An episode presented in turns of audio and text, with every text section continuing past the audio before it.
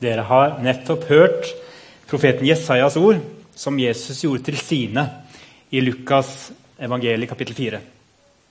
Og Dette her er blitt stående som en slags programtale eller visjonstale over Jesu eget liv.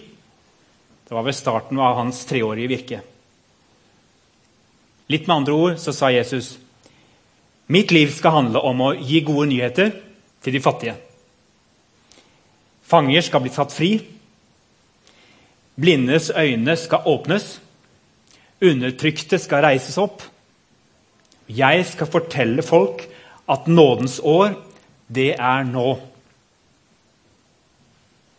Jesus han valgte Jesajas sine ord, og han gjorde de til sine. Vi kan ikke sammenligne oss direkte med Jesus. Han var Messias og skulle oppfylle Jesajas profeti. Gikk rett inn i en spesiell situasjon. Men på vår måte så drømmer jeg om at vi alle har vår egen personlige livsvisjon som vi, som vi gjør til vår. Uansett hvordan den kommer til å bli seende ut for deg, så skal din personlige livsvisjon få hvile i Jesu visjon, som dypest sett handler om å sette oss i frihet og gi oss et nådens år. Tenk om 2016 kan få hvile i det løftet for deg. Uansett hvor høye mål du kanskje setter deg og skal strekke deg mot, og uansett hva jeg kommer til å si nå, så skal du få lov til å hvile i Jesu visjon for 2016, som er å sette deg i frihet og gi deg et nådens år. Hva er så en personlig livsvisjon? Det er en setning eller noen ord som sier noe om hvem du ønsker å bli mer av. Den trenger ikke være verdens mest originale og velformulerte visjon. Kanskje har du lånt noen ord fra andre, latt deg inspirere av noen gode forbilder. Men visjonen er din. Du klarer ikke alltid å leve etter den. Du hviler i nåden som sagt, med din visjon, men du gir den ikke opp. Den hjelper deg til å sette fokus, til å si nei til mange ting og til å si ja til noen få dyrebare ting. Fordi du vet hva som er viktigst for deg. Det ønsker jeg for deg. Og det ønsker Bill Hybels, pastoren i menigheten Willow Creek, som har gitt oss verdifulle innspill til den serien som vi nå starter, som heter Helt enkelt. Vi starter med det som i heftet er tema to. Fra tilfeldig til bevisst. Kalenderen som visjonsbærer. Men før jeg begynner å, å, stille generelle diagnoser om våre liv og komme med anbefalinger om hva som er bra for oss, inspirert av forbilder som Bill Hybels og andre, før alt det så, så, må jeg fortelle litt om kong Harald. For Han viser seg å være et veldig godt forbilde og korrektiv for sånne som meg, som skal begynne hvert semester i min jobb med å tegne en visjon for andre. Og gi og si hvor en hel menighet skal gå. Det er jo Ingvard Wilhelmsen, da, hypokonderlegen fra Bergen, som har skrevet en fabelaktig bok mange av dere har sikkert vært borti den. Den heter 'Kongen anbefaler holdninger for folket'. Da jeg var sykemeldt en periode i fjor, så fikk jeg mange slags anbefalinger om å lese bøker, gå i veiledning. Og jeg fikk hjelp av mye. Den boka som kanskje hjalp meg mest, det var en bok som min gode kollega Kjell Martin på kontoret lånte meg. Den heter 'Det er ikke mer synd på deg enn på andre'. Han visste nok hva han gjorde, den gode Kjell Martin. Og så, til jul nå, så ga han meg denne. 'Kongen anbefaler'. Samme forfatter. Og det var altså den, den jeg hadde lyst til å innlede helt kort med her nå. For det er, Dette er rett og slett en bok som handler om hva kong Harald har sagt og gjort gjennom mange år. For det har denne Wilhelmsen fulgt med på. Og han syns kong Harald har mye klokt. Så hvis du skal velge deg ett forbilde, sier han, og det er jo bra å velge seg et forbilde, så må du gjerne velge deg kong Harald. Ok? Så, så, Før jeg begynner å komme med pressens anbefalinger for det nye året, i ditt liv, så skal vi lytte til kong Harald først. Det setter liksom sånne store vyer og visjoner på andres vegne i riktig perspektiv. En gang på 90-tallet var kongeparet på statsbesøk i Frankrike. Kongen hadde holdt tale på norsk i Paris. Og Etterpå ble det gjort et lite intervju med kongen og dronningen på NRK. og Det ble sendt i beste sendetid. Noe skal jo en journalist begynne med, så han begynte med å å spørre ja, hvordan står det egentlig til med fransken din, kong Harald? Jo, svarte kongen, jeg snakker norsk, for jeg syns fransk er så veldig vanskelig. Dessuten har vi så gode tolker i dag. Da sier Sonja jeg har forsøkt å få ham til å lære, men han vil ikke. Så kommer en liten meningsutveksling mellom de to, som alle får høre. Fransk er jo veldig vanskelig, gjentok kongen. Nei, det er det ikke, svarte dronning Sonja. Hun snakker veldig godt fransk etter å ha gått på skole i Frankrike. Og Kongen forsøkte da en annen strategi. Husk, jeg lærte jo litt fransk da jeg gikk på krigsskolen. Det er jo lenge siden, sa dronningen. Kongen kunne ikke si noe til det. Det er jo kjempelenge siden han gikk på krigsskolen. Og Kongen tenkte seg litt om, og så sa han Men jeg har jo senere tatt et kurs i fransk. Ja, svarte dronningen, men du leste jo ikke. Kong Harald kunne tydeligvis ikke si så mye til det heller. Han liker kanskje ikke så veldig godt fransk. Og Ganske brått så får kongen et mer besluttsomt uttrykk. Han var kommet på noe, og nå sier han Husk at jeg er blitt en gammel mann. Jeg er gått over 60 nå. Det begynner å bli for sent for meg å lære fransk. Til dette svarte dronning Sonja. Det blir aldri for sent. Da var det som kongen kviknet til, snudde seg mot dronningen og spurte hva sa du? Blir det aldri for sent? Er det sant? Og hun bekreftet det blir aldri for sent. Da smilte kongen, var plutselig veldig avslappet og sa det var godt å høre. Da kan jeg jo vente litt til, da.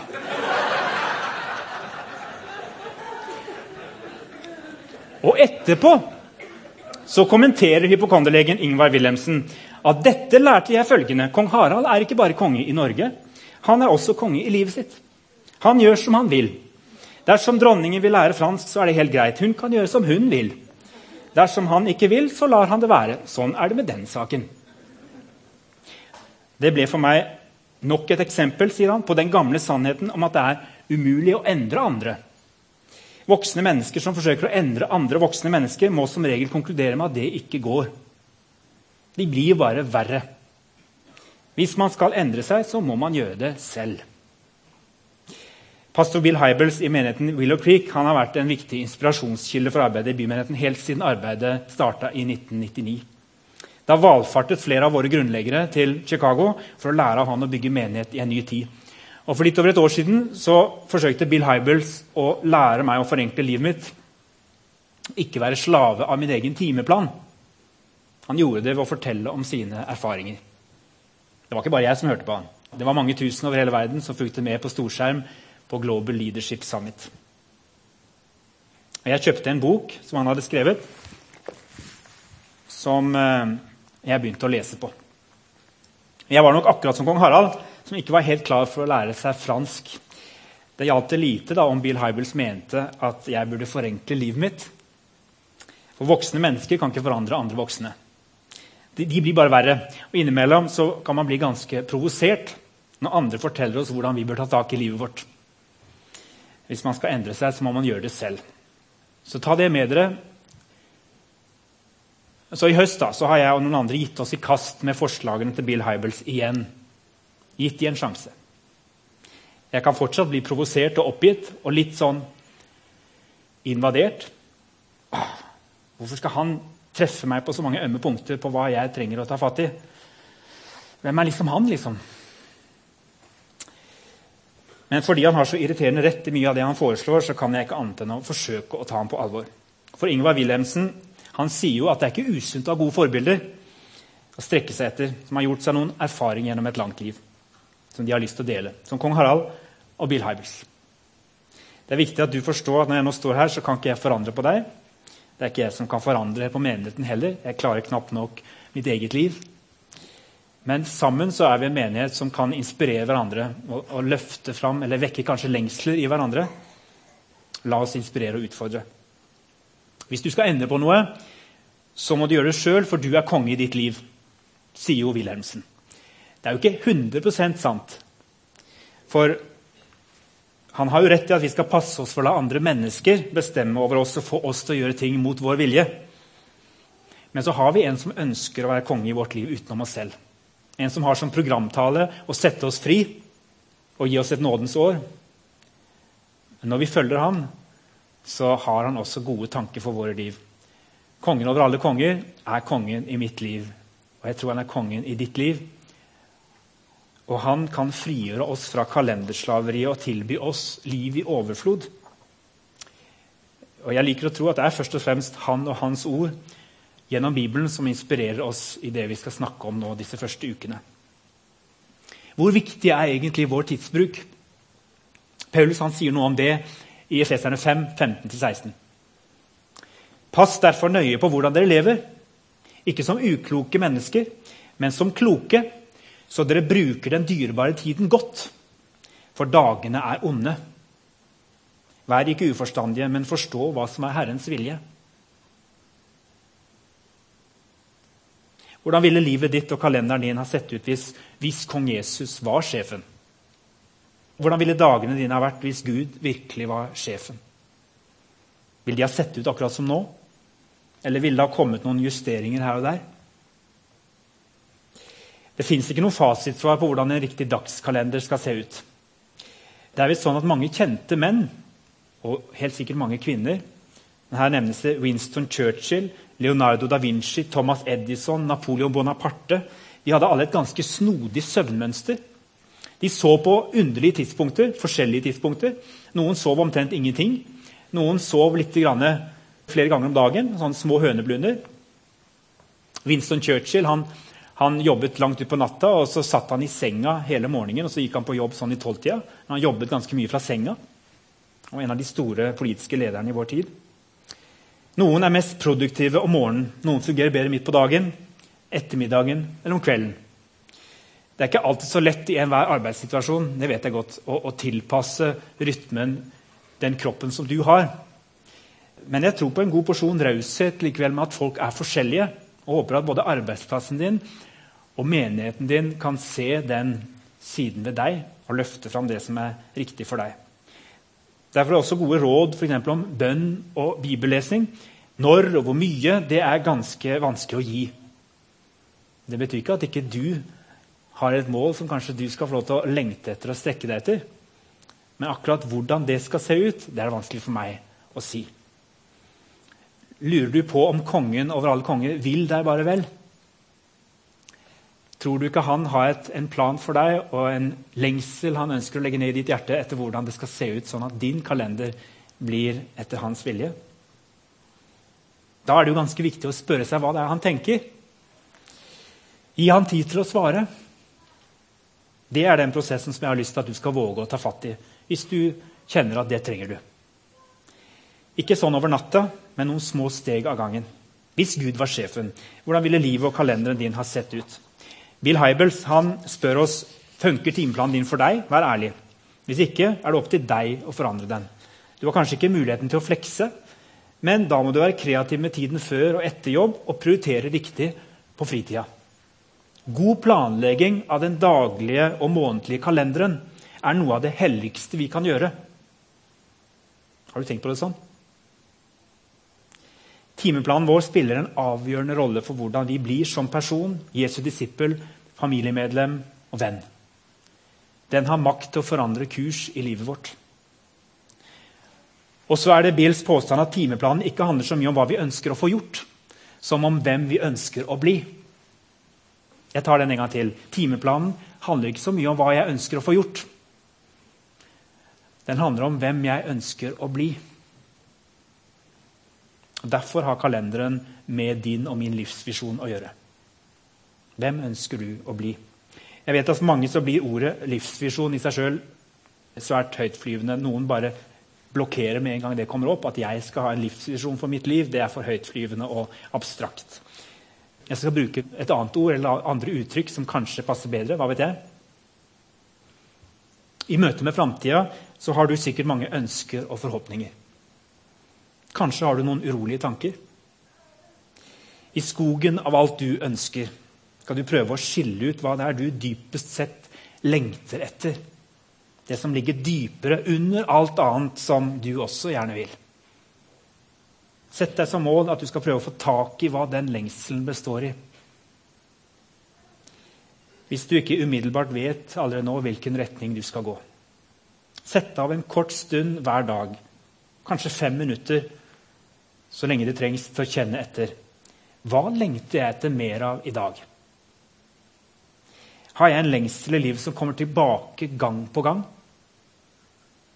Hvilke steder, hvilke mennesker, hvilke opplevelser, kanskje bøker, kan hjelpe meg til å leve i samsvar med min lengsel? Du skal ikke se vekk fra at svarene som begynner å melde seg, begynner å stige opp, fra ditt indre, de kommer fra sjefen sjøl. Jeg tror din livsvisjon ligger gjemt i denne eller de lengslene som du langsomt kan få tak på hvis du gir deg litt tid. Hvem vil jeg bli i den neste perioden av livet mitt? Altså når du har en skisse av et svar på det, så kan kalender og ukeplaner være fantastiske redskaper som hjelper deg med å oppnå livsmålene dine. Se på dem som redskap og hjelpeverktøy, og ikke som din fiende. Jeg har arbeida en del med hva som er viktige verdier og lengsler for meg, særlig det siste halvåret. Jeg skal ikke gå i detaljer om alt det, jeg har gjort noe av det før. Men den største jobben det var ikke å finne disse verdiene. Det var å begynne å la kalenderen formes av dem. Jeg skjønte fort at jeg måtte begynne å ta små, men bestemte steg. Og Jeg er ikke på noen måte i mål, men jeg aner viktigheten av det jeg holder på med. Det kan være banalt å ramse opp mine eksempler, men jeg, skal gi noen eksempler likevel, sånn at det blir litt praktisk. Og så husker dere at dette er meg. Jeg er ikke noe spesielt godt forbilde på akkurat dette her, for dette er krevende for meg. og Derfor så tenker jeg at hvis jeg begynner å få til noe av dette, så kan det gå for alle. Jeg gir noen eksempler. Da jeg søkte om å bli prest i bymenigheten, så var det bl.a. fordi jeg kjente at jeg ville være med på å utruste disipler. Og det var et mål ledelsen i bymenigheten hadde sansen for. Jeg tror det er meningen at jeg skal hjelpe andre til å finne sin vei og utvikle sitt gudgitte potensial som menneske og kristen. Men jeg kom til at jeg altfor ofte forsøkte å få andre til å bli som meg, istedenfor å hjelpe dem til å bli det Gud hadde tenkt for dem. Jeg hadde lyst til å bli en bedre utruster. Og Svaret ble å melde seg på en liten utdanning over to år i det som heter coaching, for å bli bedre på det området. Det er langt fra noe stort studium. Jeg måtte sette av noen helger i kalenderen over to år. Så måtte jeg prioritere noen møtepunkter med andre mennesker, være i praksis, og det er jeg fortsatt. Lære mer om coachingprosesser. Og jeg tror dette for meg handlet om å jobbe målrettet med hva jeg skal bli. La det få forme noe av kalenderen min. Et annet stikkord for meg det heter 'familien først'. Som mange andre så har jeg syndet grovt i perioder mot familien min. Det var tider i Brasil og jobber jeg har hatt etterpå her i Norge, hvor jeg var på jobb omtrent konstant, uten å skille noe mellom jobb og fritid. Jeg er heldig som har en tålmodig familie som fortsatt har lyst til å bo sammen med meg.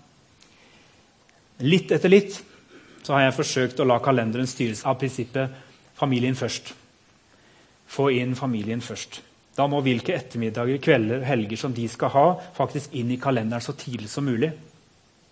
Det har ikke vært noen selvfølge, og det er fortsatt vanskelig. Denne uka her røyk kalenderen.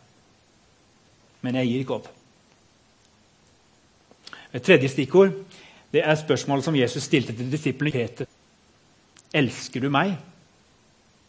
Jesus stilte Peter spørsmålet elsker du meg. Jeg har opplevd at han stiller det samme ransakende spørsmålet til meg. Elsker du meg ikke bare som din arbeidsgiver, men som din frelser og venn? Det er jo et gammelt spørsmål i mitt liv som kommer med jevne mellomrom. Når jeg sier ja på det spørsmålet, så vet jeg at det må ha konsekvenser for kalenderen min. Sette av tid med Gud for hans egen skyld, ikke bare for å forberede han på mine prosjekter som han skal hjelpe meg med. Oppnå framgang på andre måter i livet. Nei, han ønsker å være sammen med meg for sin egen skyld, fordi han ønsker å være min venn. Derfor så trenger jeg å finne den tid på dagen så jeg kan snike inn hver dag med han aleine. Ikke som presten, men bare som Vidar. Og en gang imellom reise bort og være stille sammen med ham. Sånn som noen av oss her i bymenigheten har fått lov til å være nå i helgen. På et lite helgeretreat sammen med noen fra Ålgård menighet. Vi var i lag, men vi fikk samtidig også rikelig tid til å være aleine og stille og bare være i Guds nærhet. For vår skyld og for Jesus skyld og for den relasjonens skyld. Det må inn i kalenderen, noe hver dag. For meg må det inn noe hver måned og noe årlig. Jeg må få orden på det, for ellers så glir det ut. Jeg må få orden på bibellesinga mi, og jeg klarer det ikke alltid aleine. Derfor har jeg på eget initiativ, fordi jeg trenger det, invitert en del til å være med og lese Bibelen sammen med meg. Vi bruker eh, moderne hjelpemidler, vi bruker Internett. Kanskje skal vi møtes et par ganger i løpet av året òg og snakke med hverandre ansikt til ansikt om hvordan det går. Men eh, vi kaller det for båtsamtaler, og alle sammen har blitt invitert. Og Hvis ikke de har hørt om det før, så er det bare å ta en, en kikk eller snakke med meg om det. Et annet spørsmål som Jesus har stilt meg, det er elsker du mine minste små? De som kanskje ikke kommer i kirka. Jeg fikk aldri tid til å bli kjent med noen av de som jeg opplever som de minste i min nærhet. Flyktningene. som har kommet inn i nabolaget vårt. Jeg trodde jo at det måtte skje helt spontant og naturlig, og derfor så ble det aldri. Det fungerte ikke. Så jeg tenkte, jeg måtte spørre meg hvor mye tid har jeg i kalenderen til en flyktning. Jeg kom til at jeg kunne sette av to timer annenhver uke. Det er veldig lite. jeg vet det. Så jeg spurte meg til og med, ba, spurte jeg, er det, er det bare for dumt å sette av bare to timer annenhver uke. Er det bedre da å la være? Jeg følte jeg fikk som svar nei, det er bedre at du setter av to timer enn ingenting. Og så fikk jeg hjelp av Røde Kors med en forutsigbar avtale som flyktningguide. Og så har den relasjonen vært en spennende reise i høst. Den har ledet til andre relasjoner som jeg vet vil bli viktige både for meg og familien min.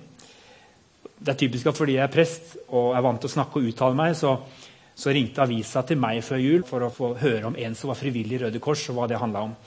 Men det er jo veldig mange andre, sikkert blant dere også, som kunne vist til mye mer på dette området enn det jeg gjør som frivillig. Men jeg er altså en av dem som trengte at dette var forutsigbart og kom inn i kalenderen, for ellers ble det aldri noe av. Og Så skjedde det noe på julaften som, som faktisk var helt spontant og uplanlagt. For heldigvis er det noe sånn at uh, når Gud hjelper oss med disse livsvisjonene våre, så skal ikke alt stå i kalenderen på forhånd, men noe skjer underveis, og han minner oss på ting. For da ble det en ordveksling med min venn på formiddagen, og han kom til gudstjeneste her. Og Så skulle han kjøres hjem igjen etterpå. Og Da vekslet jeg og kona mi blikk, og da var det hun som sa du kan ikke kjøre han hjem nå. Og Så ble han med hjem, og så spiste han middag hos oss. Pinnekjøtt. Og så fikk han dra hjem igjen etterpå. Og det, det, var veldig fint. For oss voksne var det på en måte ganske utenkelig å gjøre noe sånt. egentlig. Så det måtte nok noe spontant til, ellers hadde det aldri blitt. Akkurat Det var ikke noe vi kunne planlagt og lagt inn i kalenderen. Men jeg spurte ungene dagen etterpå hvordan var dette her. da? At vi hadde med en ganske fremmed person på julaftensmåltidet vårt. Og det syntes de var helt greit. Ja, det var kjekt, det. Det spontane og naturlige det ville for min del aldri ha skjedd, tror jeg, hvis ikke jeg først hadde tatt steg med å lage meg noen avtaler i kalenderen på begynnelsen av høsten. Hadde du spurt meg tidlig i høst om vi skulle ha noen annen til julaftensmåltidet i år som vi ikke kjente fra før, så hadde jeg sagt blankt nei. Men jeg begynte med et lite steg. Og så er det en ting til, og den har jeg ikke fått til. Det er nemlig sånn at Tiden den er dyrebar for meg, men den er også dyrebar for andre. Når jeg har lest Bill Hybels på nytt nå, så har han minnet meg på en av mine karaktersvakheter som jeg er nødt til å gripe fatt i. Jeg kommer altfor seint til avtaler med folk. Altfor ofte. Jeg har ikke engang gode unnskyldninger på lager. Jeg har bare planlagt for dårlig, beregna for lite tid herfra til neste sted. Og Det går utover andres dyrebare tid, og det må jeg endre på. Ingen andre kan endre det for meg. Det kan gjøre det litt pinlig for meg med å se litt styggere på meg når jeg kommer for seint enda en gang til en avtale, og gjøre det litt ubehagelig. For det er en dårlig egenskap, men det er jeg som må endre på det. Bruk den dyrebare tiden godt, sa Paulus. Også andres dyrebare tid. Hvilke temaer vil det handle om for deg når du spør 'Hvem vil jeg bli?' Kanskje er det stikkord som 'Har jeg den jobben jeg skal ha de neste årene?' Hvis ikke Hvis konklusjonen etter å ha kjent på det en stund er 'Nei, jeg har ikke den jobben jeg skal ha de neste årene' hvis jeg kunne følge den livsvisjonen som jeg kjenner at jeg har?